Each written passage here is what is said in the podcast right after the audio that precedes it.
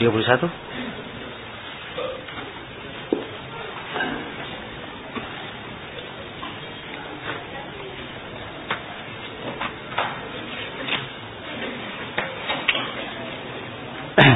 بسم الله الرحمن الرحيم الحمد لله رب العالمين والصلاة والسلام على المبعوث رحمة للعالمين نبينا محمد وعلى آله وصحبه ومن تبعكم بإحسان إلى يوم الدين أما بعد Ini majelis yang ke-31 dari syarah Ad-Durarul Bahiyah fil Masail al-Fiqhiyah karya Imam Syaukani rahimahullahu taala dari hari yang ke-8 pada doro fikih kita kali ini.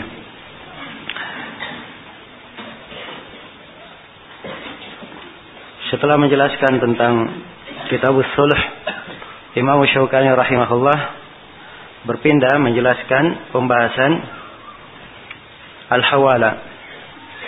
Kata beliau rahimahullah taala kitabul hawala. Kitab tentang al-hawala. Al-hawala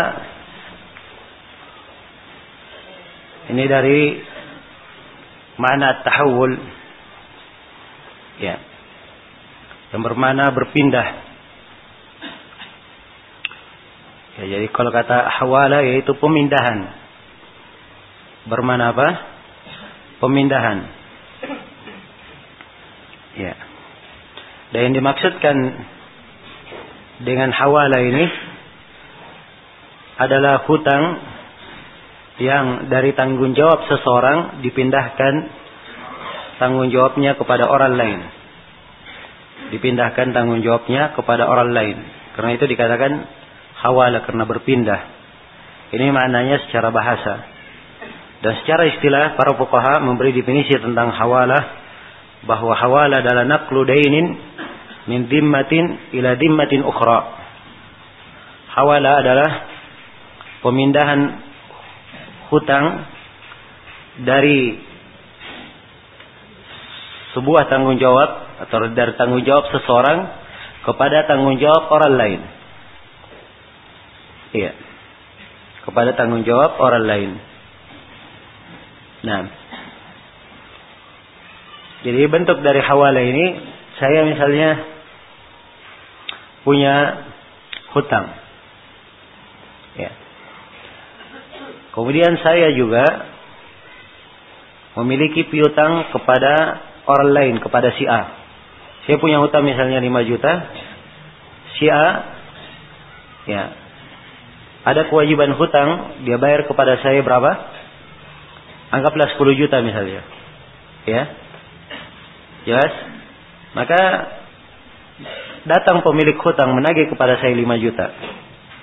Saya katakan saya tidak punya, tapi saya punya piutang, sekarang ada pada si A, dan si A ini bisa untuk membayarnya. Kamu ke si A mengambilnya. Jelas ya? Ini yang disebut dengan nama apa? Nama hawala. Dan hawala ini adalah hal yang ditetapkan di dalam hadis Rasulullah sallallahu alaihi wasallam dan disepakati oleh para ulama tentang pensyariatannya. Iya, tentang pensyariatannya.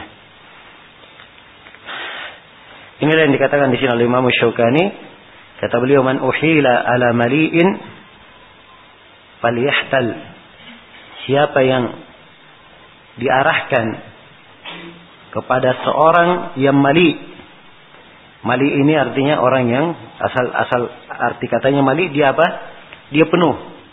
Ya artinya dia ini mampu untuk apa? Membayar. Ya. Jadi siapa yang diberi ihala kepada mali kepada orang yang mampu membayar maka falyahtal hendaknya dia apa? Hendaknya dia ikuti ihala itu hendaknya dia ikuti. Ya, jadi tidak boleh dia katakan tidak. Kamu hutangnya antara saya dengan kamu. Saya nggak boleh ke apa si fulan. Nah, sini Nabi perintah supaya mengikuti apa? Mengikuti ihalah. Ya, jelas ya. Baik ini dari dalilnya dan sepakat para ulama tentang bolehnya hal yang seperti ini. Ya, dan di dalamnya terdapat kemudahan bagi manusia ya dan terdapat pemberian keringanan ya untuk mereka di dalam muamalah mereka dan terdapat bentuk tolong menolong di dalam menunaikan uh, hajat dan di dalam melunasi hutang dan juga ini kadang di sebagian keadaan lebih menyejukkan dan lebih apa menyenangkan atau lebih lebih uh, terasa mudah bagi seorang muslim. Ya. Maka ini yang diinginkan dengan nama al-hawalah dan dia adalah hal yang disyariatkan. Iya. Jadi kata Asy-Syaukani rahimahullah, di sini telah kita terangkan ya, pembahasan yang pertama syariat hawala. Kata beliau man uhila ala mali faliyahtal. Siapa yang diberi ihala kepada orang yang mali, hendaknya dia terima ihala itu. Begitu maksudnya. Nah, Nabi Shallallahu Alaihi Wasallam bersabda dalam hadits Abu Hurairah, riwayat Bukhari dan Muslim, "Matalul ghani, matlul ghani, dulmun, wa man uhila alaihi." Ya, mali atau ala mali, faliyahtal. Dan dalam riwayat yang lain, "Idza utbi'a ahadukum ala mali, falyatba." Ya. Matlul ghani dulmun. Seorang yang punya kemampuan dia melakukan mematalah, dia menahan-nahan, tidak membayar padahal dia bisa membayarnya, itu adalah kezaliman. Jelas ya? Adalah kezaliman. Nah, ini kalau dia mampu membayar. Kalau dia tidak bayar, maka dia zalim dalam hal ini. Dia zalim. Berbeda dengan orang yang tidak mampu. Dia punya tanggung jawab, begitu jatuh temponya, tidak ada kemampuan untuk bayarnya.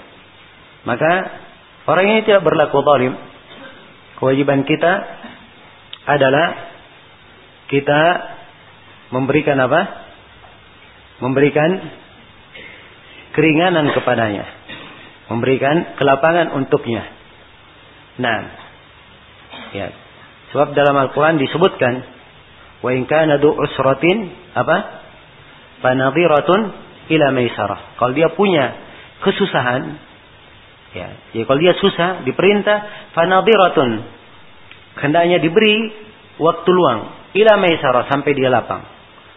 Ya, jadi kalau dia masih susah untuk melunasinya diberikan waktu luang. Ya, bukan dicekik. Ya. Tapi diberi apa? Waktu luang. Ini keindahan di dalam syariat kita. Ya. Dan mungkin saya akan terangkan sebagian hal lain yang berkaitan dengan itu di pembahasan apa namanya tentang uh, orang yang bangkrut. Baik. Jadi ini secara global tentang hawalah. Secara global tentang hawalah. Ya. Hawalah ini oleh para ulama disebutkan ada beberapa syarat yang disyaratkan sehingga hawalah itu menjadi hawalah yang syah. Yang pertama, syarat yang pertama disyaratkan pada hawalah Ya. Hawala tersebut ya, dia berikan hawala itu kepada orang yang punya hutang dan hutangnya itu hutang tetap ditanggung jawab orang yang apa? diteruskan kepadanya hawala. Ya. Sekarang saya misalnya punya hutang dari si apa? Si A. Ya. Saya berhutang kepada si A. Ya, dan saya punya piutang kepada apa? Si B. Maka syarat yang pertama si B ini ya orang yang punya saya punya piutang kepadanya itu si B ya dia punya hutang yang tetap ya dia punya apa hutang yang tetap terhadap atau dia punya hutang tanggung jawab yang tetap yang harus dia bayar ke saya jelas ya ini syarat yang pertama sebab yang dimaksudkan dengan dia memberikan ihala ada mengilzam, mengharuskan apa? Dia membayar. Ya. Ya kalau mengharuskan membayar misalnya dia datang dari saya, saya serahkan ke sana, maka dia pasti membayar sebab dia punya apa? Ya. Ada kewajiban hutang yang harus dia bayar ke saya. Maka dia pasti akan membayarnya. Karena itu disyaratkan ya. Siapa yang dia siapa yang saya tunjuk untuk membayar hutang itu, orang yang saya tunjuk tersebut, saya punya piutang padanya yang wajib dia apa? Dia tunaikan. Piutangnya tetap ada di tanggung jawabnya. Jelas ya? Baik, ini syarat yang pertama. Ketentuan yang pertama. Nah, kemudian ketentuan yang kedua, ketentuan yang kedua, ya, antara orang yang mengihalah, antara orang yang mem, yang yang mengeluarkan hawalah dan antara orang yang diteruskan hawalah itu kepadanya yang menanggungnya kelak nanti ini antara orang ini antara dua orang ini harus jenis hutangnya sama. Ada kesamaan apa? Dalam jenis hutang. Ya, misalnya saya berhutang tadi dari siapa? Dari si A. Ya. Baik, saya berhutang dari si A, jenis hutang saya saya berhutang 5 juta. Jelas ya? Dan si B ya. Apa? Dia berhutang dari saya. Berhutangnya dari saya juga berapa? 5 juta, 5 juta sama jenisnya. Jadi kalau saya ihala kepada si B, ini tidak ada masalah sebab jenisnya apa? Jenisnya sama. Tapi kalau misalnya saya berhutang dari si A 5 juta, ya, dan si B ini punya hutang, ya, dia berhutang kepada saya barang nilainya 5 juta. Dia apa? Barang. Ya, maka di sini apa? Ya, tidak sama. Maka ini tidak boleh ada hawala seperti ini. Sebab kalau saya suruh ke sana ngambil, maka barang yang diambil, kan begitu. Yang dia kembalikan barang itu. Walaupun barang itu nilainya berapa? 5 juta. Kecuali kalau saya catat, diambil barang dari saya, dan saya sudah catat barang itu bernilai berapa? 5 juta. Bukan barang yang dikembalikan, tapi apa yang dikembalikan? Duit 5 juta. Jelas ya? Ya. Maka ini harus di, di, diperhatikan. Ya.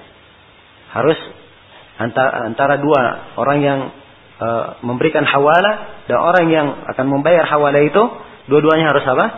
Hutangnya harus sama. Kemudian syarat yang ke ya, syarat yang ke tiga. Nah, ya, kemudian kesamaan tadi itu ada di beberapa hal ya. Ada kesamaan dalam jenis hutangnya. Ya, kemudian kesamaan di dalam membayarnya juga, itu penting. Kesamaan dalam waktu membayarnya. Ya, sekarang misalnya kalau saya berhutang dari si A, masih contoh yang saya berikan ya. Saya berhutang dari si A. Ya. Saya jatuh tempo bulan satu. Jelas ya, saya harus bayar. Dan si B punya hutang, dia berhutang kepada saya. Si B jatuh tempo bulan tiga. Ini boleh atau tidak? Ya tidak boleh sebab kalau saya suruh kepada si B ngambil, maka dua bulan lagi baru diambil. Maka harus ada sama dalam apa? Ya dalam waktunya. Harus ada kesamaan dalam waktunya. Nah, Kemudian syarat yang ketiga, disyaratkan ada riba dari orang yang memberi hawala. Ya, disyaratkan ada riba dari siapa? Orang yang memberi hawala. Ya, sekarang ada tiga sudut. Ya. Ada si pemberi hawala. Ini orang yang berutang kepada siapa? Si penuntut hak. Kan begitu? Ya, kalau saya contoh yang saya berikan tadi, saya misalnya A dan siapa? Si B. Jelas? Ya. Saya di sini harus ridha untuk memberikan hawala. Kalau saya tidak ridha, maka tidak boleh ada hawala. Jelas ya? Jadi si A misalnya dia minta, kamu ya kalau begitu kamu kan punya uang sama si B. Ya, saya ambil aja dari si B. Maka saya kalau saya tidak ridha, tidak boleh si A pergi kepada apa? Si B. Adapun si B tidak tidak perlu saya tuntut keridhoannya atau tidak. Ya, sebab asalnya dia punya hutang yang harus apa? Ya, dia dia serahkan. Dan si A saya tidak perlu tahu dia ridho atau tidak. Kapan saya beri hawala, maka dia terima apa? Hawala saya. Sebab Nabi perintah untuk siapa yang beri, di, diberi hawala, maka dia apa? Faliyahtal. Hendaknya dia ikuti. Ya. Jelas ya? Hendaknya dia ikuti. Baik. Jadi di sini yang ketiga disyaratkan keridhaan dari orang yang memberi apa? Memberi hawala. Ya, sebab hak itu adalah tanggung jawabnya. Ya, itu adalah tanggung jawabnya. Kalau dia yang memberikan maka insya Allah taala tidak ada masalah. Baik. Jadi ini dari uh, syarat hawala. Ini dari syarat hawala. Apabila syarat ini telah terpenuhi, maka hawalanya adalah apa? Adalah syah. Hawalanya telah syah.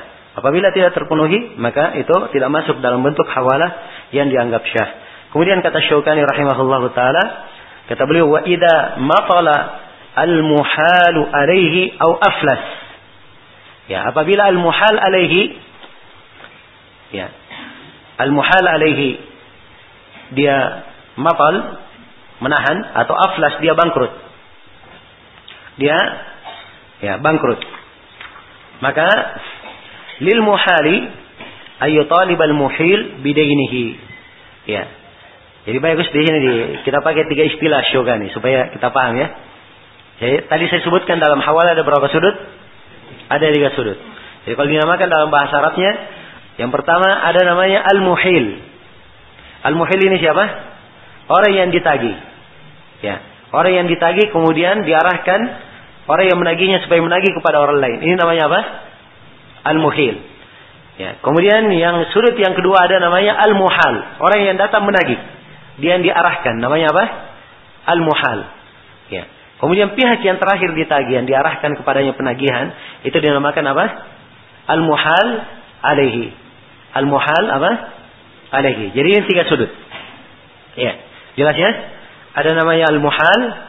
Siapa al-muhal itu? Hah? Si penagih, si pemilik hak. Ya, jelas ya? Al-muhil siapa? Ya. Yang ditagih yang akan memberikan apa? Hawalah. Ya, kemudian yang ketiga Al-muhal alaihi. Siapa ini? Ini akan menanggung apa? Hawala itu. Ya, tagihan akan datang kepadanya. Jelas ya? Sekarang si muhal, ya, si muhal datang kepada saya. Menagih. Saya sebagai apa? Muhil. Ya, saya sebagai muhil. Jelas? Si muhal datang kepada saya menagih. Maka saya katakan kamu datang kepada si fulan, muhal alaihi. Maka dia datang kepada si fulan, si muhal alaihi ini. Ternyata si fulan ini ya ribet urusannya. Ya. Ya. Dia mempersulit. Ya punya kemampuan tapi apa? Mempersulit untuk memberi. Atau dia datang kepada si fulan ternyata si fulan sudah bangkrut.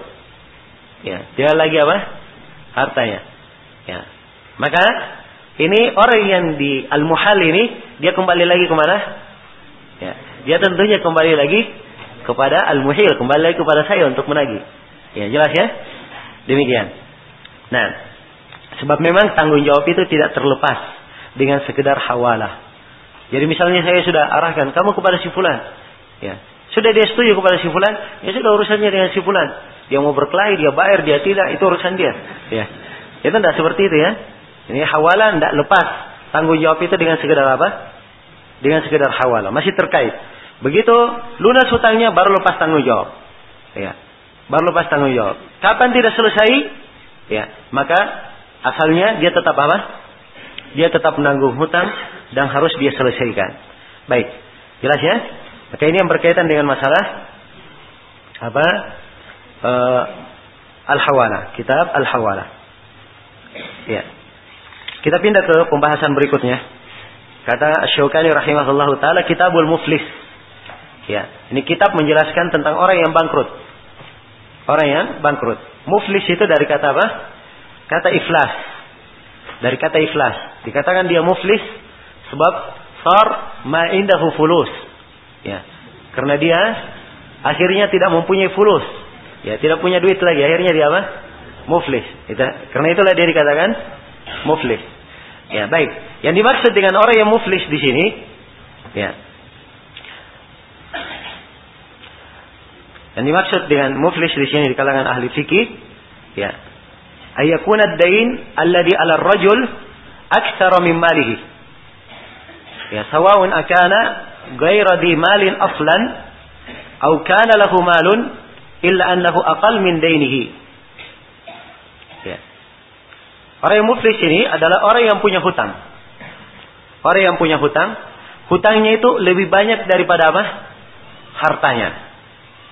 Jadi dia punya hutang, hutangnya lebih banyak daripada apa? Dari hartanya. Ya, apakah ini orang tidak punya harta sama sekali? Atau dia punya harta, tapi hartanya tidak mencukupi untuk apa? Membayar hutangnya. Jadi ini yang dikatakan sebagai orang apa? Orang yang muflis. Ya, kalau bahasa Indonesia-nya, Hah? Nah, ya mungkin bangkrut sebab kalimat bangkrut kelihatannya itu dia pernah punya sesuatu setelah itu hilang sesuatunya. Ya. Mungkin aja bangkrut cocok ya mungkin. Ya. Tapi itulah hakikat dari muflis sebenarnya. Ya si santum kalau bisa carikan kata yang cocok yang lebih bagus, ya maka boleh saja diganti. Jelas ini pendekatan-pendekatan saja. Sekarang kita pelajari supaya kita kenal apa? Hakikat dari istilahnya. Iya. Baik. Asyukani rahimahullah taala di sini membuka pembahasan tentang al-muflis. Ini ada delapan pembahasan yang kita catat. Nah, ini pembahasan tentang alif las ini ini perlu diketahui sebab terkait di dalamnya orang yang bangkrut. Orang yang bangkrut itu di, masalah dia ditagih. Ya, dia punya ditagih. Apakah dia bayar atau tidak? Kemudian kalau dia punya harta untuk membayarnya, apakah hartanya cukup atau tidak? Kalau hartanya misalnya cukup tapi dia tidak mau bagaimana keadaannya? Kalau hartanya tidak cukup, ya kemudian dia ini sembarang menggunakan harta, apa yang dilakukan terhadapnya? Apakah boleh dia diboykot? Ya ditahan. Apa namanya? Seluruh hartanya dia tidak boleh menggunakan seluruh apa harta yang dia miliki, ya ini disebut dengan nama apa? Dengan nama hajar. Ya, karena itulah di pembahasan muflis ini, ini ada pembahasan hajar di dalamnya. Ada pembahasan tentang apa? Hajar. Dan sebagian para ulama, ya itu tidak memberi dengan kitab al-muflis, tapi diberi judul dengan kata apa? Tentang al-hajar. Sebab al-hajar ini lebih lebih luas cakupannya. Lebih luas cakupannya. Kalau muflis, ini orang yang dituntut oleh apa? Orang-orang yang menagihnya itu muflis. Ya.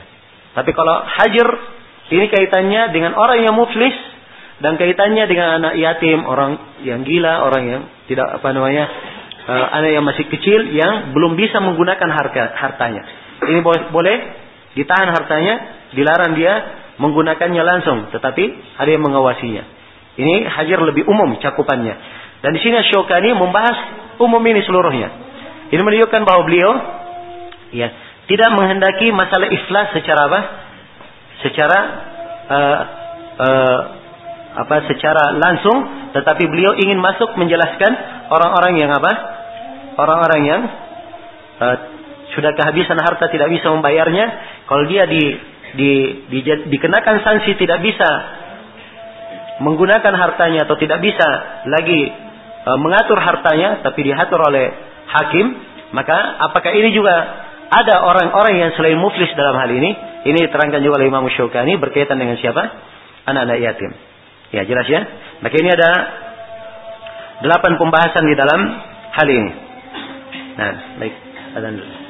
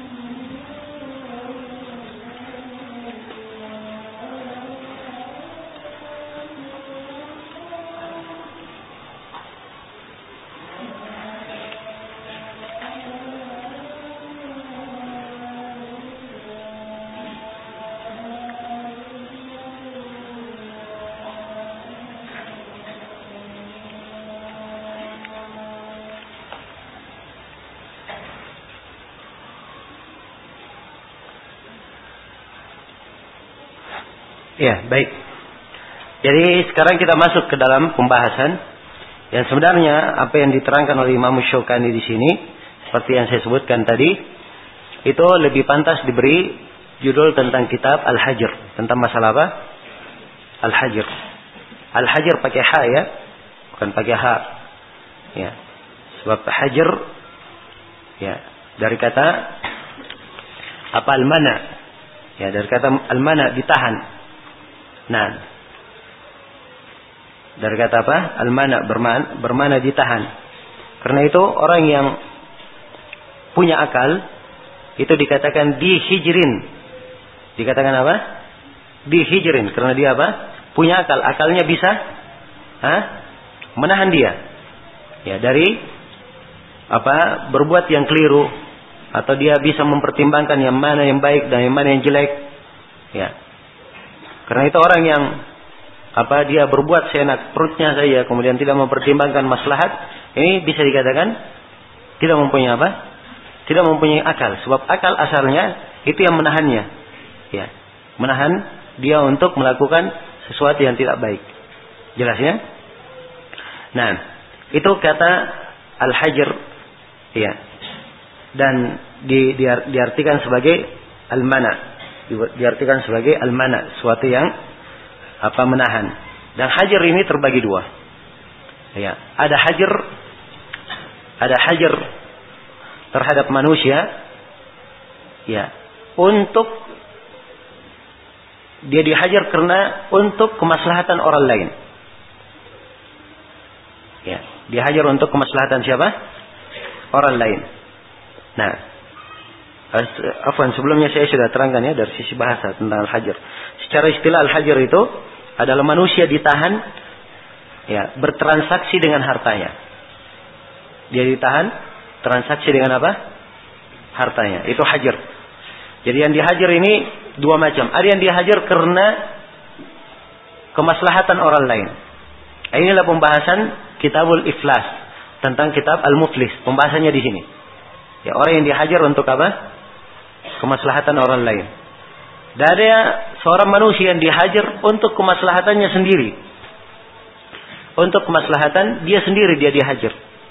Ya, dia tidak boleh gunakan hartanya untuk apa? Kemaslahatan dia sendiri supaya hartanya tidak rusak dan hartanya tidak hilang. Ya, inilah hajar terhadap anak kecil, orang yang gila, ya, dan orang-orang yang safih, as-sufaha, Ya, dan kita akan terangkan ya tentang hal ini. Baik. Jelas ya? Ini dua jenis akan diterangkan juga oleh Syukani dua jenis ini tentang anak yatim di akhir dari pembahasan. Ya. Jadi ini dua hal sekaligus akan dijelaskan oleh Syukani rahimahullah. Adapun yang pertama tentang orang yang muflis, ya, orang yang bangkrut, kata beliau ya li ahli daini ya, ay ya'khudhu jami'a ma yajidunahu ma'ahu illa ma kana la yustaghna anhu. Sini ada kata yang jatuh ya, ini diperhatikan ini. Apa-apa yang diperbaiki di ke depan diperbaiki cetakannya. Ya. Perhatikan di buku antum ada yang jatuh di situ. Makana yajuzu li ahli dain ayakhudha jami'a ma yajidunahu ma'ahu illa ma kana apa? La yustaghna anhu. Atau uh, afwan la yastagni anhu. Ya maksudnya dia. La yastagni anhu.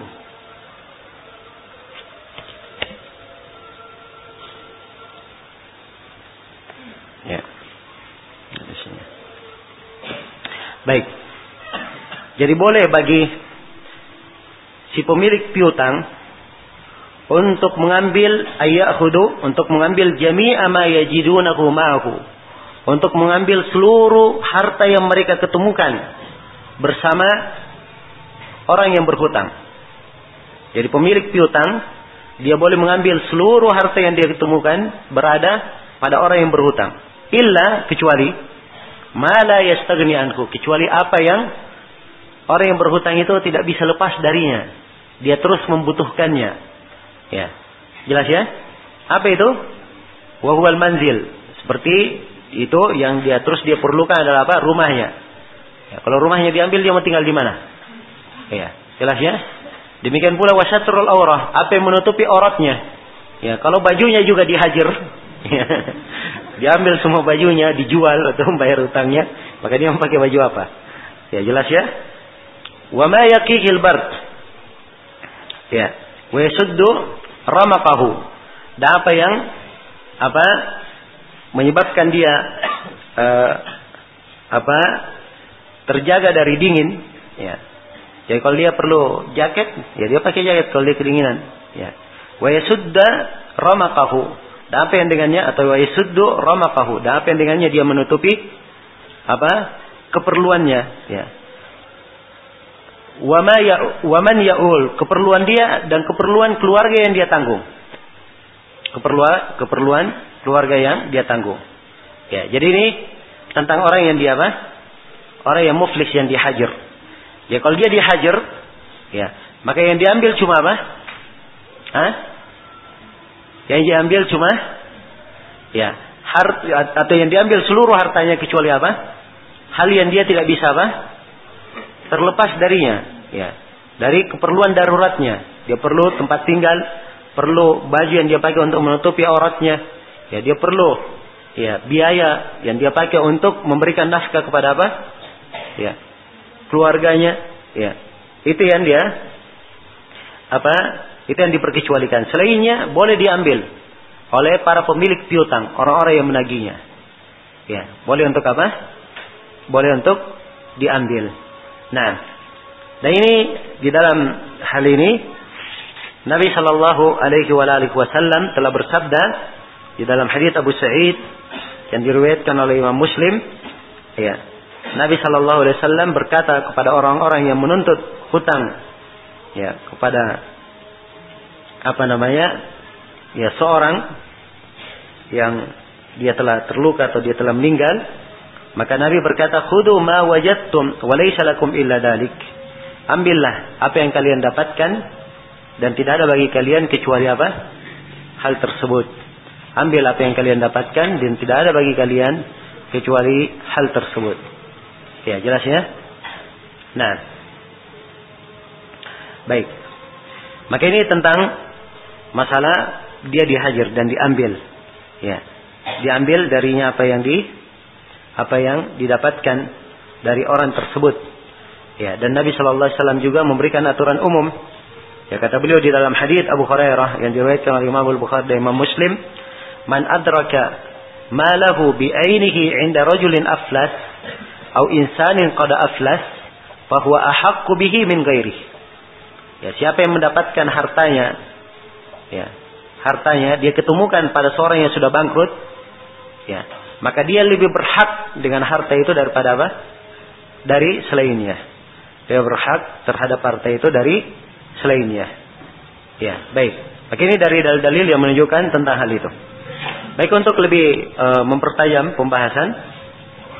Iya. Di sini saya akan terangkan tentang masalah orang yang muflis ini yang ditahan hartanya. Ya, tentang masalah apa? Dia ditahan hartanya. Jadi pertama harus diketahui orang yang muflis ya. Orang yang muflis ini adalah orang yang punya apa? Orang yang punya hutang dan tidak bisa dia bayar dengan harta yang apa? Dia miliki. Maka orang yang punya hutang itu tentunya keadaannya ada dua. Ya. Keadaan yang pertama, ya, dia adalah orang yang kesusahan. Ya, dia adalah apa? Orang yang kesusahan. Orang yang kesusahan asalnya dia diberi apa? Diberi waktu luang. Diberi waktu luang. Nah, karena itu nanti kita akan terangkan di muflis ini, dia ditagih hutangnya dan di, diambil oleh apa namanya para penagihnya sebab sudah jatuh apa? Sudah jatuh tempo dan dia harus lunasi sudah di waktu itu. Ya. Tapi kalau asalnya dia adalah orang yang kesusahan, berhutang tapi masih ada kesusahan, maka dalam Al-Qur'an dikatakan wa in kana du usratin fanadiratun ila maisarah. Siapa yang punya kesusahan maka diberi waktu luang sampai dia apa? Ada kelapangan. Ya, dan telah datang nas-nas tentang keutamaan siapa yang apa susah dalam melunasi hutangnya kemudian diberi waktu luang maka orang yang memberi waktu luang ini itu termasuk salah satu dari golongan yang dituduhi oleh Allah Subhanahu wa taala di bawah tuduhan arsy Jelas ya? Ya. ada pun orang yang mampu untuk melunasi hutangnya, dia mampu melunasi hutangnya, maka ini tidak dihajar. Jadi yang dihajar ini adalah apa? Orang yang tidak mampu melunasi hutang. Ya kalau dia mampu melunasi hutangnya, maka tidak dihajar karena apa?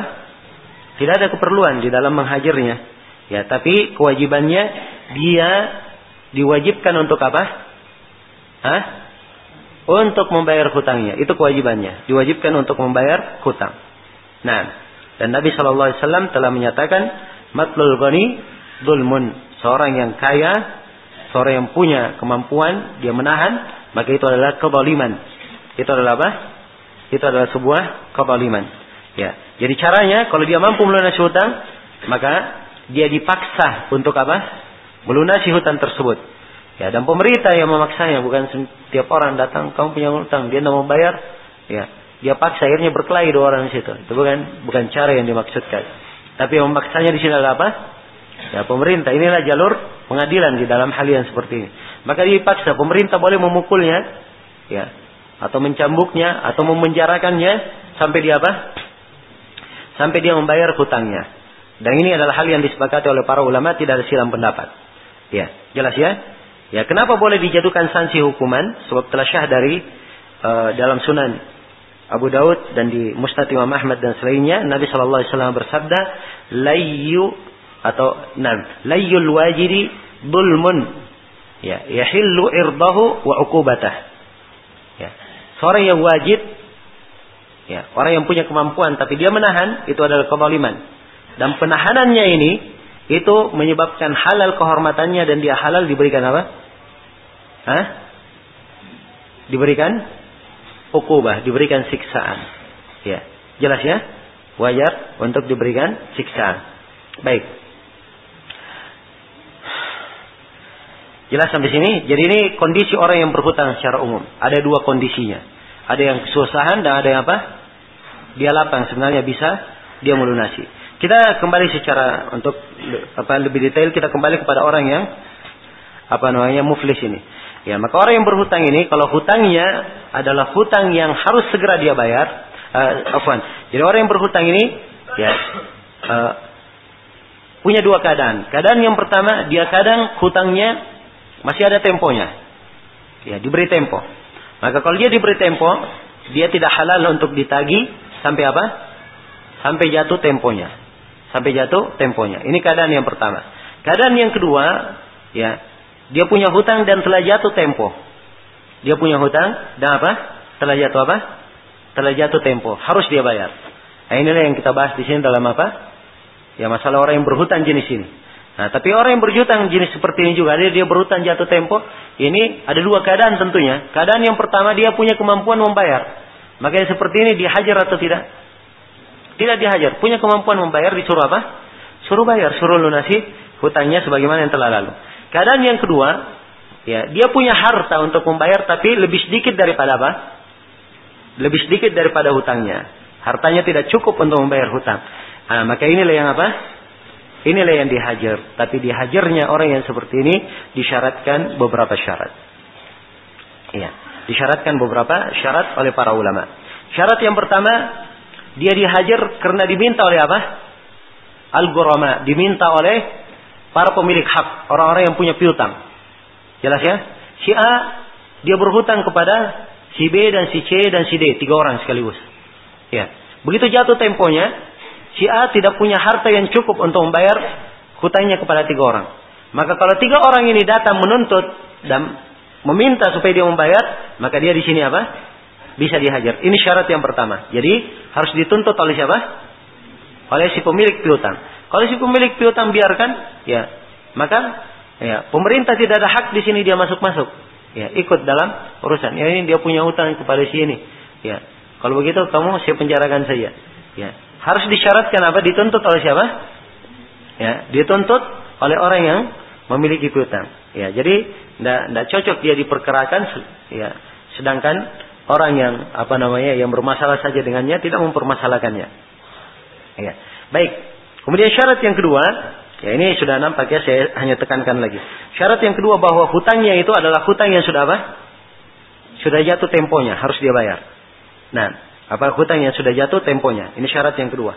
Syarat yang ketiga, hendaknya hutang tersebut ya, hutang yang harus dibayar. Ini jatuh tempo ya syarat yang kedua. Syarat yang ketiga, hutang tersebut adalah hutang yang harus dibayar. Ya tidak ada lagi uh, waktu untuk diberikan apa uh, masa masa diberikan tempo tambahan atau diberikan waktu luang lagi. Dia wajib membayarnya di waktu itu. Nah, kemudian yang ketiga, syarat yang ketiga dari orang yang dihajar, ya, hendaknya utang tersebut itu lebih banyak daripada apa? Daripada hartanya. Hutang tersebut lebih banyak daripada hartanya. Kemudian syarat yang kelima orang yang dihajar ini, muflis yang dihajar, ya, adalah uh, Nah, harta tersebut atau hutangnya tersebut sifatnya hutang kepada anak Adam.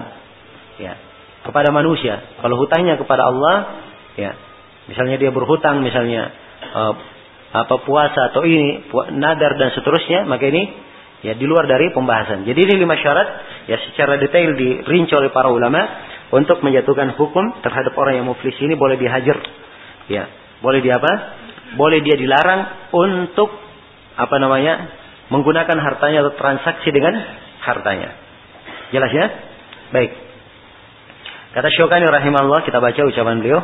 Kata beliau, "Wa man wajada malahu indahu bi'ainihi fa huwa ahaqqu bih." Siapa yang mendapatkan hartanya di sisi orang itu bi'ainihi, harta itu langsung dia dapatkan, fa huwa ahaqqu bih.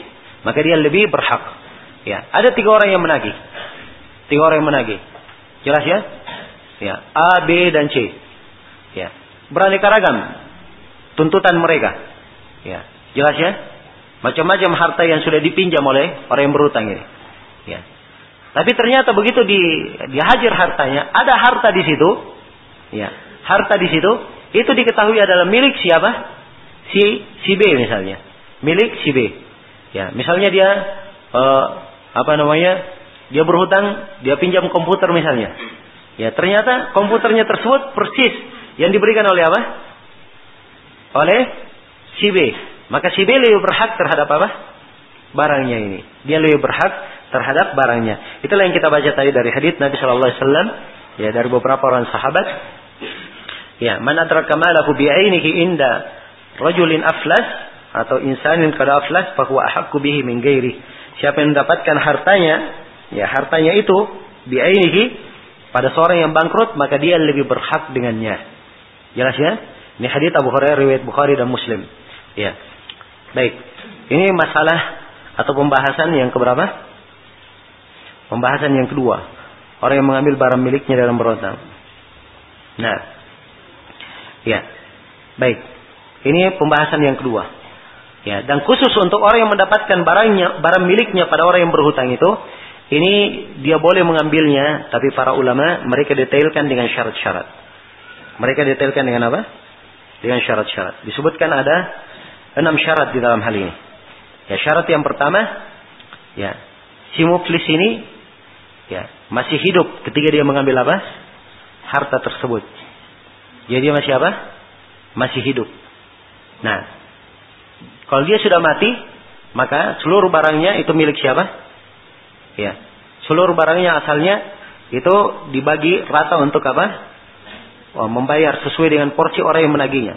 Ya, misalnya tiga orang penagih.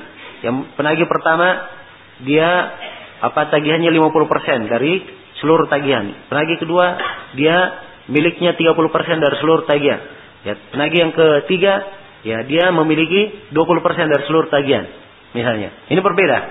Maka asalnya harta itu kalau dia sudah meninggal apa hasilnya ya walaupun harta itu sendiri miliknya maka ini masuk ke dalam harta umumnya kemudian dibagi sesuai dengan persenannya masing-masing jelas ya? Maka disyaratkan orang yang ingin mengambil barangnya yang dia dapat disyaratkan orang yang muflis ini masih hidup. Ini syarat pertama.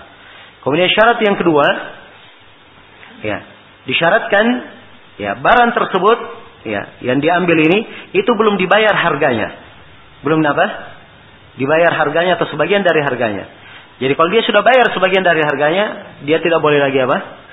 Mengambil dari harta tersebut, dari barang tersebut. Nah, ini syarat yang kedua. Kemudian syarat yang ketiga, syarat yang ketiga, Ya. Syarat yang ketiga, barang yang dia ketemukan itu sempurna berada di situ. Sempurna apa? Berada di situ. Kalau dia hanya dapatkan barangnya cuma sepotong, ya maka ini apa? Tidak boleh diambil. Baik. Ini syarat yang berapa? Syarat yang ketiga. Kemudian syarat yang keempat, barang tersebut belum berubah sifat-sifatnya. Belum berubah apa? Sifat-sifatnya. Kalau dia warna merah, ya. Mereknya misalnya, anggaplah komputer, mereknya Toshiba. Dia beri warna merah. Tiba-tiba dia dapati barangnya warnanya hitam, sama mereknya. Oh ini milik saya. Ya. ini sifatnya apa? Dia berubah. Maka tidak boleh dia ambil. Jelas ya? Kemudian syarat yang keempat, ya barang tersebut, ha? syarat yang kelima, barang tersebut itu belum terkait dengan hak orang lain. Ya. Jadi kalau sudah terkait dengan hak orang lain, misalnya barang itu dia sudah rahankan, dia sudah jaminkan, ya, atau barang itu misalnya dia sudah uh, hibakan kepada orang, maka ini apa? Tidak boleh lagi diambil. Jelas ya, sebab sudah terkait dengan hak orang lain. Kemudian syarat yang keenam, ya. Nah, kemudian syarat yang keenam barang tersebut tidak terdapat di dalamnya tambahan yang bersambung. Tambahan yang bersambung. Anggap misalnya ada orang yang meminjamkan apa? Uh, sapi misalnya untuk dia pakai ya di peternakan dan dikembangbiakan. Dia ketemukan sapinya milik dia. Ya. Jelas ya, dia tahu tanda-tanda sapinya, dia pernah kasih cap, dia kasih ini, semuanya lengkap, ya. Tapi sapinya ini waktu dia beri itu timbangannya cuma 50 kilo, sekarang berubah menjadi 80 kilo. Ya. Jelas? Ini ada tambahan apa? Bersambung di dalamnya, tambahan bersambung. Maka ini ya tidak diperbolehkan dia mengambilnya. Jadi di dalam hadis memang disebutkan malahu apa ditakhid bi ainihi ya.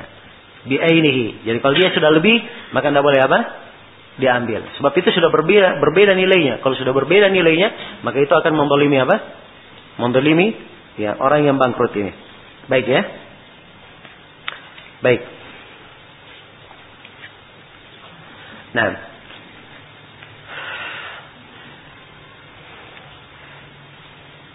Kemudian kata beliau rahimahullah, kata Syaukani, wa idza naqasa wa idza naqasa malul muflisi 'inda 'anil wafa wa idza naqasa malul muflisi 'anil wafa bi jami'i dainihi kana al mawjudu uswatal gharama. Apabila harta si muflis itu kurang untuk membayar seluruh hutangnya, maka yang ada itulah yang menjadi ukurannya siapa? Ukurannya para penuntut itu, para goroma. Ya, para pemilik piutang yang menuntutnya. Ya, jadi itu yang menjadi ukurannya. Nah, dan ini ada konteksnya dalam sebagian riwayat. Ya, walaupun riwayatnya apa namanya uh, uh, di, di diriwayatkan secara mursal, ya, diriwayatkan secara mursal. Asy-Syaukani rahimahullah berdalilkan dengan hal ini. Nah, dan ini diambil dari apa walaupun haditsnya misalnya lemah, maka dia diambil dari ketentuan-ketentuan umum ya tentang orang yang bangkrut tadi itu dan harusnya dia membayar haknya. Nah asalnya setiap orang dari pemilik hak itu punya punya hak pada orang yang bangkrut tersebut. Ya maka tidak ada uh, apa tidak ada kepentingan atau tidak ada dalil untuk membedakan antara pemilik antara antara penagih dengan penagih penagih yang pertama dengan penagih yang kedua. Ya antara pemilik hak yang pertama dan pemilik hak yang kedua. Asalnya ya apa yang ada itulah yang menjadi apa? ukuran mereka semuanya. Mereka menagih sesuai dengan kadar hutangnya mereka masing-masing. Nah, kemudian kata Syukani rahimahullahu taala, wa idza aflasa ya, kata beliau, wa idza tabayyana iflasuhu fala yajusu habsuhu. Ya. Apabila sudah nampak dia ini muflis, sudah nampak dia bangkrut, maka tidak boleh dia dipenjara. Dia tidak boleh apa? di, di, tidak boleh dipenjara. Nah, baik. Iya.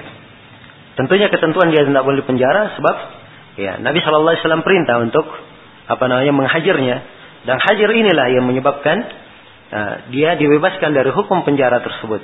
Ya, sebab asalnya dia tidak punya kemampuan. Kemudian kata beliau walayyu alwajidi dhulmun yuhillu irdahu wa uqubatah.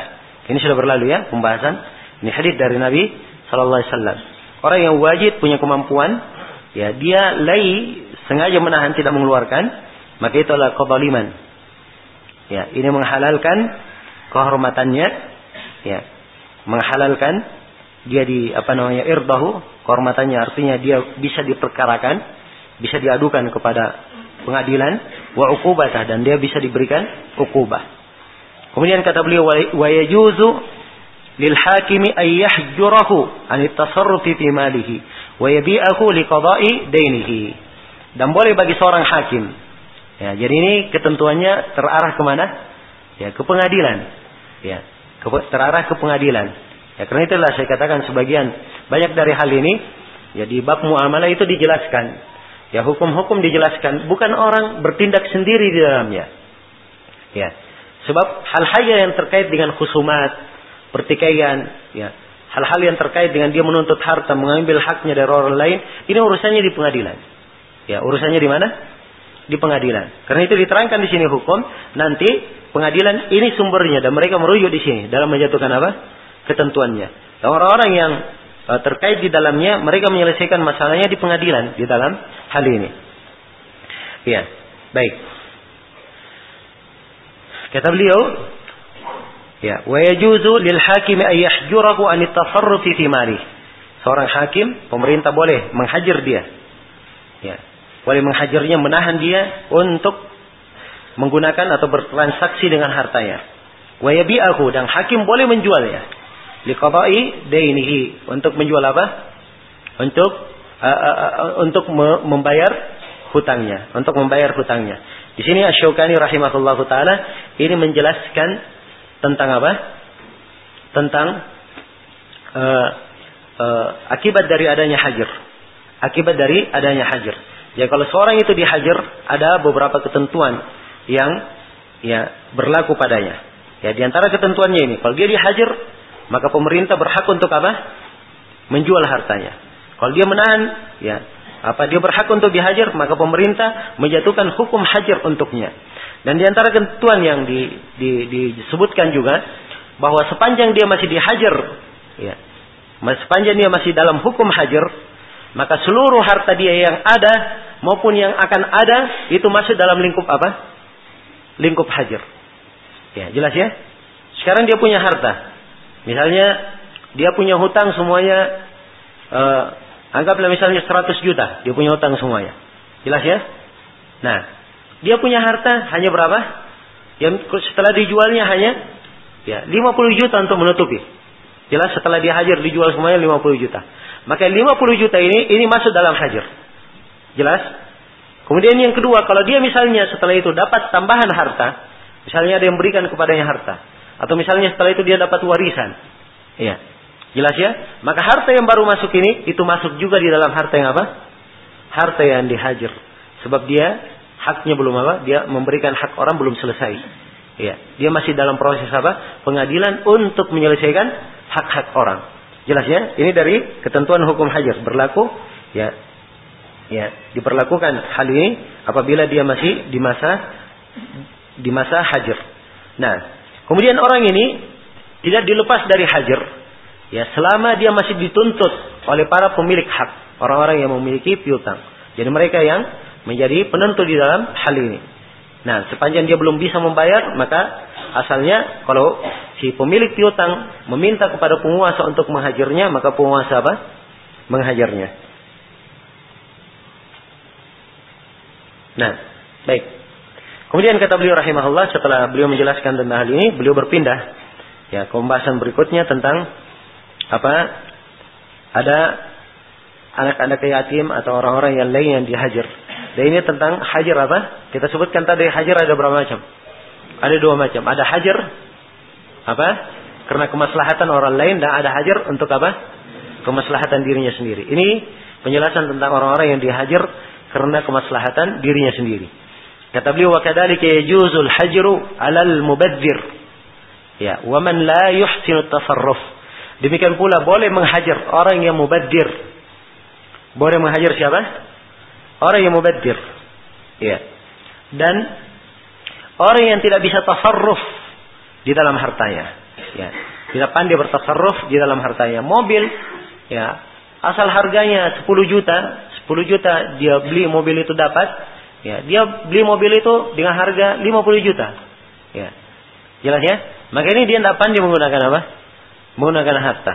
Orang yang seperti ini dikatakan safih. Itulah yang disebut di dalam Al-Quran. Wala tu'tus sufaha'a amwalakum. Jangan kalian memberikan kepada as-safih harta-harta kalian. Ya. Nah, disebutkan di dalam Al-Kasyaf. Ya. Dan uh, penulis Al-Kasyaf hujjah dia di dalam masalah memahami bahasa. Ya. Dia menerangkan mana sufaha. As-sufaha kata dia, kata penulis tafsir Al-Kasyaf, as-sufaha adalah al-mubadzirun amwalahum. Mereka yang mubadzir dalam harta mereka. Yang menginfakkan hartanya pada apa yang tidak pantas. Pada apa yang tidak pantas. Jelas? Itu as-sufaha. Ya. Nah, kemudian diterangkan bentuk-bentuk lain dari safahnya. Ya, jelas ya. Jadi mereka ini mubadzir tidak bisa menggunakan hartanya pada apa yang sepantasnya. Ya, dan mereka ini dilarang untuk diberikan harta. Wala tu'tus apa? Amwalakum. Jangan kalian memberikan harta kalian kepada as-sufaha. Nah, jadi ini dalil tentang dua golongan ini, mubadzir dan orang yang tidak pandai apa? Tasarruf. Kata beliau, "Wa yumakkanul yatim min at-tasarrufi fi malihi hatta atau wala yumakkanul yatim min at-tasarrufi fi malihi hatta yu'nasa minhu rushd." Ya, dan anak yatim itu jangan diberi tamkin. Ya, jangan diberi kesempatan untuk atau jangan diberikan kedudukan untuk dia menggunakan hartanya sendiri. Ya, apa dia sendiri yang bertransaksi dengan hartanya sampai ya sudah apa walinya itu sudah tenang bahwa dia ini sudah pandai menggunakan harta itu dengan baik. Ya, dia sudah rasyid, pandai menggunakan hartanya dengan baik. Nah, dan ini dalilnya adalah ayat Al-Quran. Di mana Allah subhanahu wa ta'ala berfirman, وَبَتَلُوا الْيَتَامَ حَتَّى إِذَا بَلَغُوا النِّكَاهَ فَإِنْ آنَسْتُمْ مِنْهُمْ رُشْدًا فَدَفَعُوا إِلَيْهِنْ أَمْوَالَهُمْ Ya. Dan ujilah anak-anak yatim itu. Ya, kalau dia sudah dewasa, bisa diuji. Ya. Hatta idza balagun nikah, ketika dia apa? Sudah mampu untuk menikah, maksudnya dia sudah balik. Uji dia. Ya, jadi dia diberi harta, diberi harta misalnya dia beli, dia lakukan transaksi, ya sudah nampak bahwa dia sudah bisa ya melakukan transaksi, sudah bisa pegang hartanya, sudah pandai dia gunakan, maka ini tidak ada masalah. Ya, ukurannya bagaimana keahliannya? Apakah harus ahli sekali? Kalau misalnya dia tertipu, 10 kali diuji dia tertipu sekali, apakah ini sekali ini menggugurkan bahwa dia belum tidak lulus ujian? Ya, jawabannya Ya bukan itu menjadi ukuran, tapi ukurannya fa'in anastum minhum rushdan. Kalau kalian sudah merasa ada uns, sudah tenang, kelihatannya bahwa si yatim ini sudah apa? Sudah rasyid. Fadafa'u ilaihim amwalahum. Maka serahkan harta mereka itu untuk mereka. Jelas ya? Baik. Maka uh, mereka dilarang ya untuk melakukan tasarruf di hartanya sampai mereka rasyid. Ini untuk anak-anak yatim.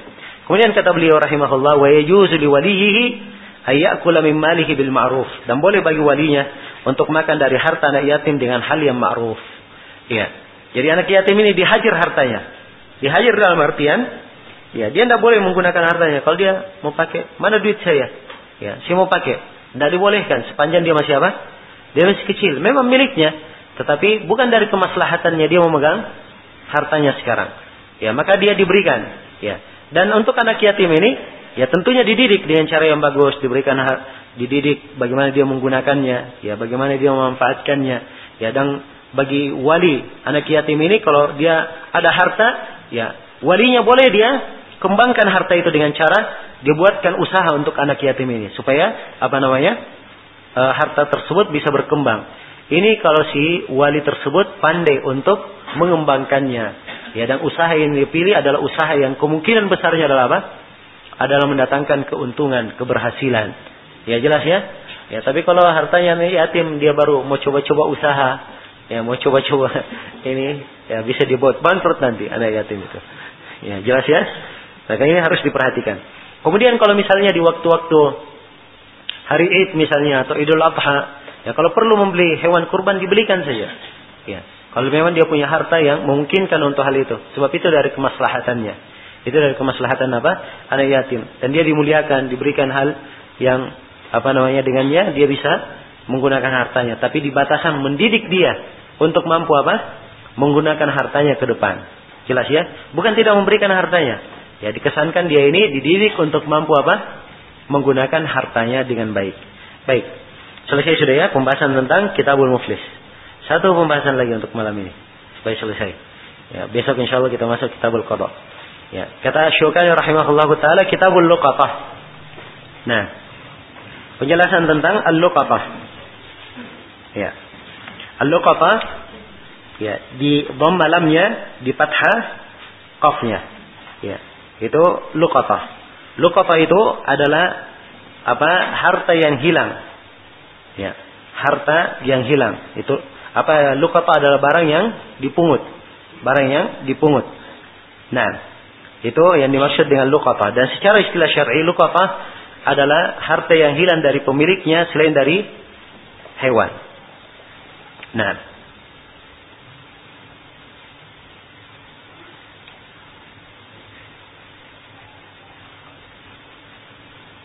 Baik.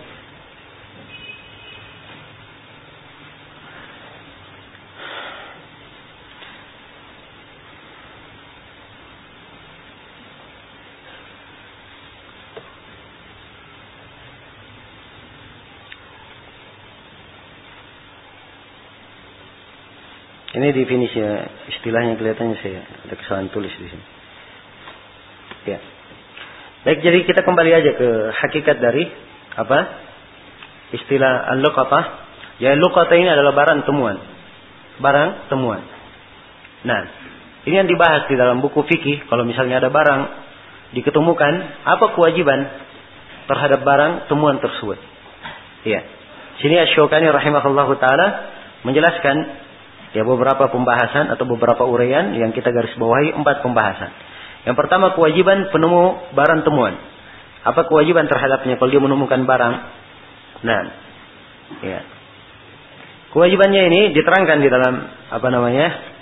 hadits-hadits ya dari Rasulullah sallallahu alaihi wa alihi wasallam. Ya. Nabi sallallahu alaihi wasallam bersabda man wajada luqatan luqatat luqatan ya falyushhid dawi adlin wal yahfaz ifafaha wa wika'aha fa in ja'a sahibuha fala yaktum fahuwa ahaqqu biha wa illam yaji sahibuha fahuwa malullah yu'tihi man yasha. Nah. Nah, ini hadis Iyad bin Himar. Hadisnya sahih. Ya siapa Nabi bersabda siapa yang mendapatkan barang temuan maka hendaknya dia persaksikan apa? Dawi adilin, orang-orang yang adil. Ya. Wal yahfaz ifafaha wa wikaha. Dan hendaknya dia jaga ifafaha. Ya. Apa? E, kantong yang menampung barang itu. Wabikaaha dan ikatan. Ya ikatan kantong itu. Fa'inja sahibuha kalau pemiliknya datang fala yaktum jangan disembunyikan. Bahwa ahakku biha orang itu lebih berhak. Wa illam yaji sahibuha kalau pemiliknya tidak datang maka bahwa malullahi yu'tihi man yasha maka itu adalah harta Allah yang Allah berikan kepada siapa yang Allah kehendaki. Jelas ya? Maka dari hadis ini, ya, seorang yang mendapat barang temuan itu dia periksa, dia periksa ciri-cirinya. Ya, dia periksa ciri-cirinya. Dia lihat isinya apa? Oh, isinya misalnya duit. Dia tahu. Nah, dia pakai bungkusan, misalnya pakai dompet sekarang ini. Ada dompetnya, dia ingat dompetnya warnanya apa. Ya. Jelas ya? Kalau ada keterangan dalam lihat keterangan-keterangan yang terkait di dompet itu apa. Ya. Jelas? Maka dia umumkan Ya, telah diketemukan misalnya sebuah dompet. Ya, dia sebutkan saya sebuah dompet. Ya jangan disebutkan dompet, mer apa terbuat dari kulit buaya, ya terbuat dari dia rinci semuanya. Maka akhirnya tidak perlu dicari pem, apa dicari pemiliknya. Bisa aja siapa yang datang dia mengaku bahwa itu apa? Itu adalah miliknya. Ya, sama kalau diketemukan misalnya apa kunci motor, ya. Temu saja diketemukan kunci motor, begitu saja. Jangan dia tambah ya diketemukan kunci motor Honda, ya maka ya datang sudah orang mengaku. Ya, jadi fungsinya tidak disebutkan. Ketika disebut dompet, datang orang mengaku. Ya, saya kehilangan dompet. Maka ditanya, dompetnya warna apa? Jelas ya? Dompetnya warna apa? Ya. Dia terangkan sifat-sifatnya, baru diberikan.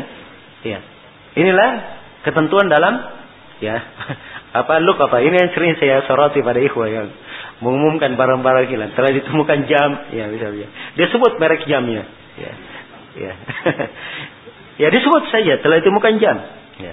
Demikian pula apa? Kalau diketemukan ah, kunci motor misalnya tadi. Ya.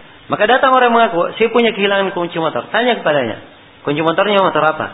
Ya. Harus disebut. Ya. Kalau memang persis seperti sifat-sifatnya, baru diberikan. Baru diberikan. Ya, karena itu perhatikan ya. Ini faedah kenapa dijaga ya. Sarung bungkusnya sampai ikatannya itu dijaga. Ya sebab ditahu, ditanya, dia kehilangan misalnya kantong emas misalnya. Ya. Jelas ya, diumumkan sih ada kantong emas diketemukan. Ya, datang, ditanya kantongnya warna apa? Ya, terbuat dari apa? Ya, baik ikatnya pakai ikat warna apa? Ya.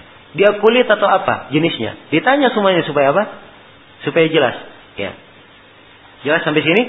Dan tentang masalah isinya, tidak apa-apa seorang melihat apa isi dari temuan itu supaya diketahui ini isinya berharga atau tidak. Ya, jelas ya.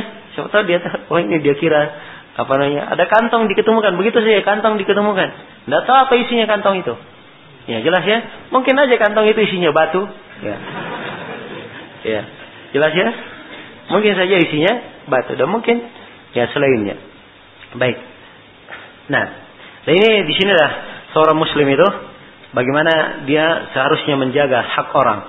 Ya, dia menjaga hak orang. Ya, jadi kalau pemiliknya datang, jangan dia sembunyikan. Dia lebih berhak, dia berikan. Ya. Kalau pemiliknya tidak datang, maka dia adalah harta yang Allah berikan kepada siapa yang Allah kehendaki. Ya. Jadi kalimat kalau pemiliknya tidak datang, ya. Ini menunjukkan ada ketentuan. Ya, kapan pemiliknya datang itu berapa lama? Ya, dia ditunggu sampai dia datang. Ini apa? Ada ketentuannya, jelas ya? Ya. Maka ini subhanallah nampak sekali bagaimana syariat kita menjaga ya barang-barang itu dengan baik. Ya, sebuah kisah yang uh, menakjubkan disebutkan dalam biografi sebagian rawi. Ya, dia dari penduduk Mekah. Dia pernah suatu hari menemukan sebuah mutiara. Berharga sekali. Mutiara yang sangat apa? Sangat bernilai. Ya. Maka dia umumkan Ya, padahal dia waktu itu adalah orang yang sangat perlu kepada apa? Ya, sangat perlu kepada uh, harta dan dia perlu makan dan seterusnya. Ya. Maka dia umumkan datang pemiliknya. Dia tanya apa sifat-sifatnya dan seterusnya. Ya. Maka dia katakan ini harta kamu, milik kamu, diserahkan. Orang tersebut ingin memberikan imbalan karena ini harta-harta apa? Sangat berharga sekali. Ya. Maka orang tersebut berkata tidak ada imbalan. Nabi hanya menyebut, apa, menyebutkan kalau pemiliknya datang apa? Ya diberikan hartanya, tidak ada mengambil imbalan. Ya jelas ya. Maka dia tidak apa? Tidak mengambil imbalan. Ya dari dari uh, temuan tersebut dia tidak mengambil imbalan. Ya dan tentang mengambil imbalan ini bukan artinya tidak boleh dia mengambil imbalan kalau dia mengambil kalau dia diberi ya oleh orang tersebut tanpa apa? Tanpa dia meminta. Ya tanpa dia meminta. Ya tapi di sini dia menampakkan apa? Betul-betul dia menjalankan amanah, dia berikan. Padahal dia dalam keadaan apa? Dia keadaan sangat perlu sekali. Bersama ini diberi imbalan pun dia tidak mau terima. Ya. Maka subhanallah berlalu ya hari demi hari. Seakan-akan kisah itu sudah mulai hilang diingatannya. Ya. Suatu hari dia mengarungi lautan, ya, rawi ini. Ya. Kemudian mereka tertimpa apa? Musibah dia tertimpa musibah. Terdampar di sebuah pulau. Ya. Dia terdampar di sebuah pulau. Maka ketika dia sadar, dia pun berjalan, dia dapatkan penduduk pulau tersebut. Kaum muslimin. Ya. Tapi banyak dari mereka tidak pandai membaca Al-Quran. Tidak pandai apa? Membaca Al-Quran. Maka akhirnya dia pun duduk di pulau tersebut. Mengajari anak-anak itu membaca Al-Quran dan seterusnya. Setelah lama dia duduk di pulau itu. Maka datanglah seorang berkata kepadanya, sungguhnya di pulau ini ada seorang anak perempuan, anak yatim. Ya, dia punya harta. Ya. Dia apa? Dia punya harta. Ya. Dan kami ingin engkau apa? menikahinya. Ya, dan kami apa? Ingin engkau menikahinya. Maka kata orang tersebut, eh, dia cerita sini, akhirnya kesimpulannya dia nikahi. Dia setuju untuk apa? dia nikahi. Ya. Setelah dia menikah, ya, dia kaget melihat permata yang berada di leher anak perempuan ini. Lama dia amat amati. Ya, subhanallah, dia amati leher apa? Permata ini. Sampai heran istrinya. Ya. Dia bertanya kepada, dia adukan hal ini kepada siapa? Ya, penduduk pulau. Ya, dia hanya perhatikan permata saja. Ya. Maka akhirnya dia tanya, kenapa kamu perhatikan permata itu? Katanya, saya ingat permata ini. Ya, ini permata yang saya pernah temukan di Mekah. Ya, rupanya, ya permata ini milik orang yang kehilangan di Mekah itu. Ya, subhanallah takdir semuanya penduduk pulau itu sampai kedengaran seluruh penduduk pulau itu takdir. Ceritanya apa? Ya, orang tua dari uh, perempuan ini ketika dia balik, maka dia cerita kisah perjalanannya. Katanya, saya tidak pernah lihat orang seamanah, ya, seperti itu di atas muka bumi. Ya, dan saya berdoa kepada Allah, semoga Allah menikahkan anak perempuan saya ini dengannya. ya. Subhanallah terwujud apa yang apa dia inginkan. Padahal orang tuanya sudah meninggal setelah itu. Jadi waktu di, ditawari oleh apa menikah itu bukan ayah yang menawari, tapi penduduk negeri itu, wali-wali uh, perempuan ini yang menawarinya. Ayahnya sudah meninggal. Nah, maka ini perhatikan bagaimana uh, seorang itu menjaga amanah. Ya, sengaja saya sampaikan ya bahwa di dalam syariat kita itu di, diajarkan bagaimana menjaga amanah. Ya, dan apabila seorang menegakkannya, maka itu membawakan kebaikan untuk dia.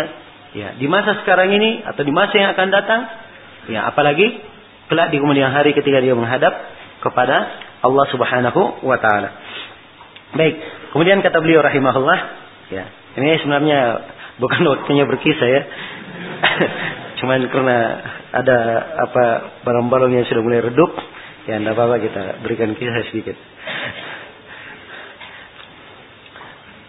Ya kata beliau man wajada luqatan luqatatan ya. Baik, man wajada luqatatan falyarif kifafaha wa wika'aha. Siapa yang mendapatkan luqatah maka hendaknya dia ta'rif. Ya. Apa? Falyarif hendaknya dia ketahui. Ya, dia ya yang di sini. Falyarif, dia yang mengetahui. Ifafaha wa wika'aha. Hendaknya dia ketahui apa bungkusnya dan apa ikatnya. Ya, jelas ya? Ya begitu diambil dia tahu dulu sifatnya semua diperhatikan dia cek. Ya. Fa in ja'a sahibuha ilaihi. Kalau datang pemiliknya maka dia bayar atau diserahkan ya itu kepadanya. Wa illa arfaha haulan. Kalau tidak maka dia takrif selama berapa? Selama setahun. Dia takrif, dia umumkan. Ya. Dan disebutkan oleh para ulama di mana diumumkannya. Dia berdiri tempat-tempat berkumpulnya manusia di pasar, ya, di pintu-pintu masjid, Ya, bukan di dalam masjid ya, tapi di mana? Di pintu-pintu masjid dia umumkan. Di tempat berkumpulnya manusia. Jelas ya? Baik. Wa ba'da dia tarif setahun, wa ba'da dalika yajuzu lahu sarfuha. Setelah itu dia boleh untuk apa? Apa? Memakainya, menggunakannya. Walau fi nafsihi, walaupun dia gunakan pada dirinya sendiri. Ya, dia boleh sarf kepada selain dia, diberikan kepada orang lain misalnya, atau dia infakkan, atau dia sedekahkan, Ya. Dan boleh dia pakai untuk dirinya sendiri. Tapi ingat ketentuannya. Wayadmanu ma'amaji sahibiha. Tapi dia menanggung. Kalau pemiliknya datang maka dia harus apa? Dia harus ganti. Ya, kalau dia infakkan dia harus siap. Nanti kalau pemiliknya datang dia apa? Dia ganti. Kalau dia gunakan maka dia harus siap. Kalau pemiliknya datang dia apa? Dia ganti. Nah, jadi ini ketentuan di dalam lukatah. Ya.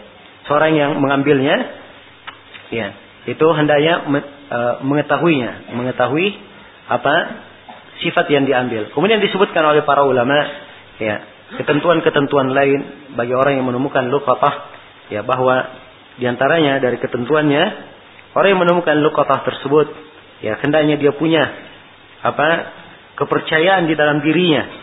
Dia punya kepercayaan di dalam dirinya, dia mampu untuk apa? Ya, mampu untuk menjaga luqatah tersebut dan mentakrifnya. Ya, jelas? Kalau dia tidak punya kepercayaan di dalam dirinya, dia khawatir terfitnah dengan hal tersebut, dia pakai, dia gunakan sebelum dia takrif, maka dia harusnya apa? Dia harusnya jangan mengambil. Jangan dia mengambilnya. Baik. Ya. Kemudian ya, di antara hal yang lain di sini atau kita terangkan di bawah. Kemudian kata beliau walau walau tu Makkah asyaddu ta'rifan min ghairiha. Dan barang tuman Makkah itu lebih berat tarifnya daripada selainnya. Ya, sebab orang yang mengambil luqatah Makkah itu hanya untuk apa? Hanya untuk dia tarif, tidak bisa dia apa? Tidak boleh dia miliki. Ya. Tidak boleh dia miliki. Ya, kalau diambil hanya ditarif. Dan asalnya kalau ada barang temuan dia biarkan apa? Dia biarkan saja, jangan diambil. Ya, kalau dia mau mengambilnya, dia mengambil untuk apa? Untuk ditarif, untuk ditarif. Dan di Mekah untuk uh, penyelesaian hal ini barang-barang temuan itu sudah dibuatkan solusi. Ada tempat-tempat memang khusus disimpan. Ya, siapa yang ada barang temuan di situ disimpan saja. Jadi siapa yang kehilangan dia cari saja ke tempat barang temuan. Ya, ke tempat barang temuan. Insya Allah taala walaupun sudah berapa tahun dia hilang, dia misalnya pergi hajian, ya, dia ketinggalan di mana. Yang penting tidak hilang saja, ada di barang temuan, maka dia akan ketemukan di mana? Di tempat itu. Ya, jelas ya? Maka biasanya ditanya, ya tentunya ya orang-orang yang duduk di situ paham hukum-hukum seputar apa? Ya barang temuan. Ya maka ditanya pertanyaan-pertanyaan yang membuktikan bahwa dia apa? Dia adalah pemiliknya. Jelas? Kemudian kata beliau wala ba'sa bi ayyatafi'a bi an yantafi al-multaqitu bi syai'il haqir. Ya tidak apa-apa Seorang yang menemukan itu, dia mengambil manfaat dari sesuatu yang remeh harganya. Ya, maksudnya harganya itu tidak terlalu apa? Terlalu mahal. Seperti kalau apa? Seperti apa? Tongkat, wasaut. Ya, anda seperti apa? Cambuk, wanahwihima. Ya. Dan semisal dengan keduanya. Semisal dengan keduanya. Iya. Iya. Wanahwihima dan yang semisal dengan keduanya. Dan di sini ada tambahan di cetakan apa? Di uh, cetakan matan ba'da ta'rif bihi talatan. Ya, setelah ditarif tiga hari. Itu dikasih dalam kurun di situ sebab di manuskripnya tidak ada. Di manuskrip apa? Imam Syukani tidak ada. Nah. Ya. Apakah uh, uh, hal ini beliau tekankan di mana di di Darari tapi di syarah ada ya beliau terangkan di dalil-dalilnya di pendalilan beliau terangkan. Tapi menyebutkan tiga hari tidak ada. Di pendalilan ada dalil-dalil yang beliau sebutkan tapi dalil-dalilnya ada apa? Ada kelemahan. Hadit-hadit yang beliau sebutkan itu ada apa? Ada kelemahan di dalamnya. Semuanya dalam riwayat yang sangat lemah. Baik. Iya. Jelas ya? Jadi kalimat tiga hari ini, ya kalau mau dibuang ya dibuang saja. Tapi masalahnya dia ada di cetakan syarah. Ya, jadi disimpan pun tidak ada masalah. Cuma diberikan keterangan bahwa itu lemah. Jadi kalau dia barang, barang yang murah tidak terlalu bernilai itu tidak ada masalah. Sebab Nabi Shallallahu Alaihi Wasallam, ya, beliau pernah melewati sebuah jalan dan ada korma yang jatuh di situ.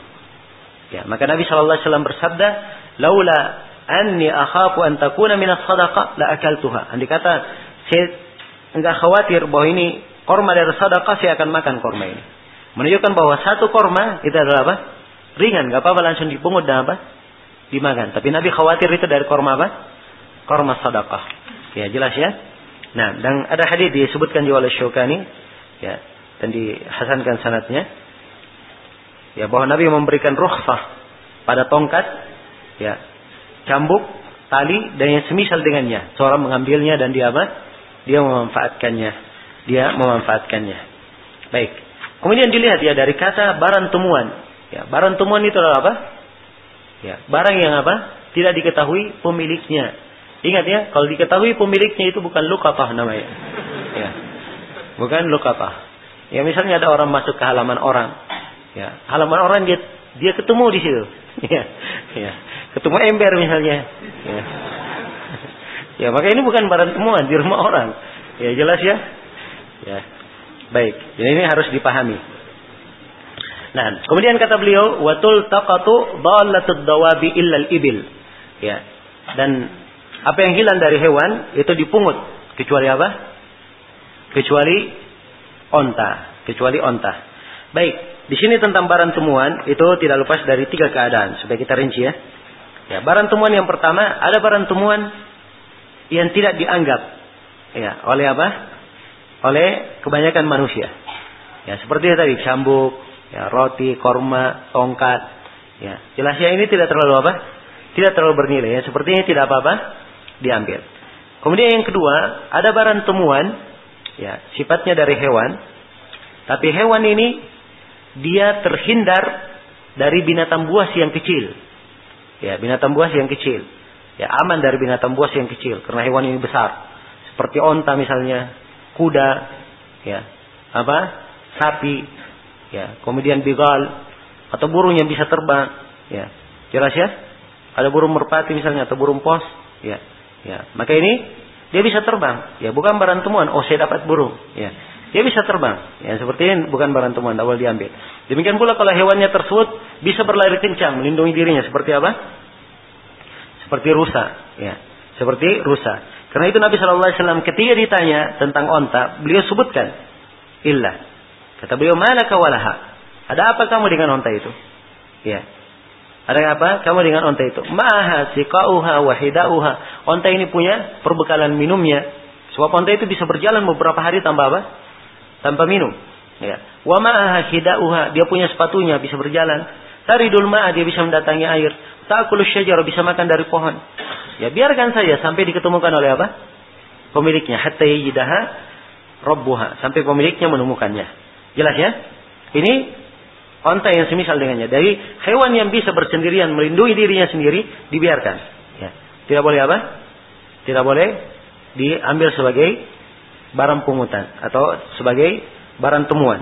Nah, kemudian yang ketiga berikutnya selain daripada itu dari harta yang lain, seperti uang misalnya, ya, atau barang-barang berharga, ya, dan seperti hewan juga hewan yang apa terjaga. Ya. Atau hewan yang tidak bisa, bisa dijaga dari binatang buas. Walaupun binatang buas kecil. Seperti serigala. Kan dia bisa menerkam apa? Ya kambing. Ya. Nah, ini contohnya seperti kambing. Ya. Seperti kambing atau seperti uh, apa namanya anak-anak sapi yang masih kecil. Ya maka yang seperti ini apa boleh untuk dipungut ya boleh untuk dipungut nah boleh untuk dipungut dianggap sebagai barang temuan. Jelas ya? Ya, dan barang temuan ini kalau dia harta selain di bagian yang ketiga selain dari dua itu tadi, maka barang temuan yang boleh dipungut ini ini juga terbagi tiga, terbagi tiga jenis.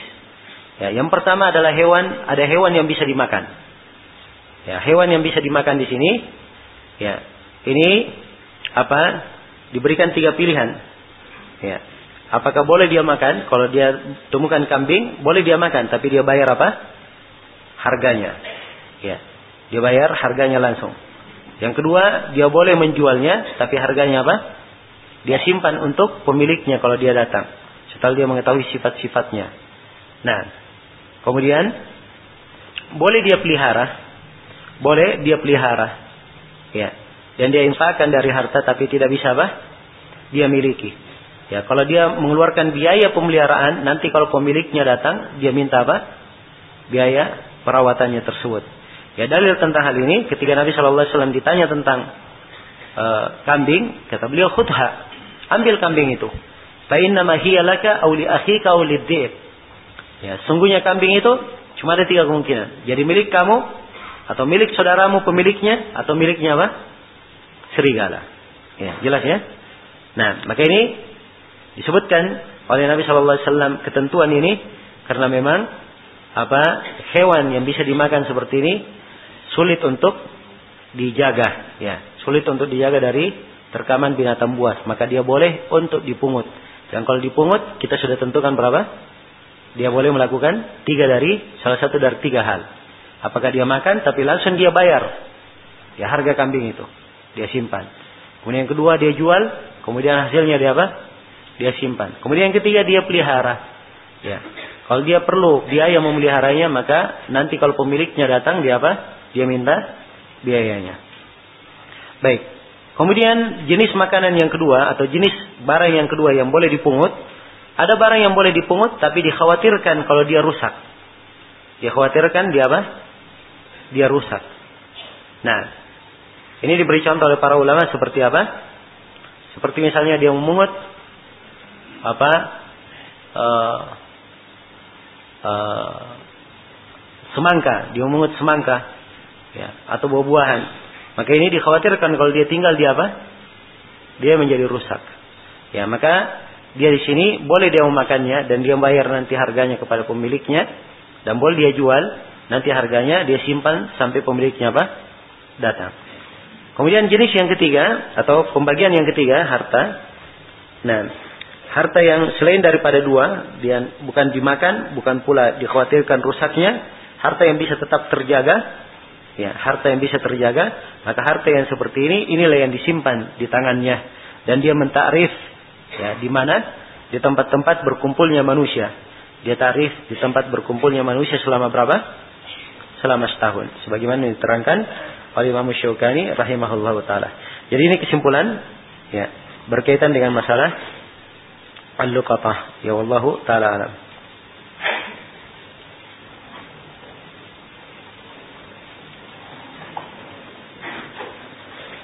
Ya baik, sekira cukup dalam sini ya.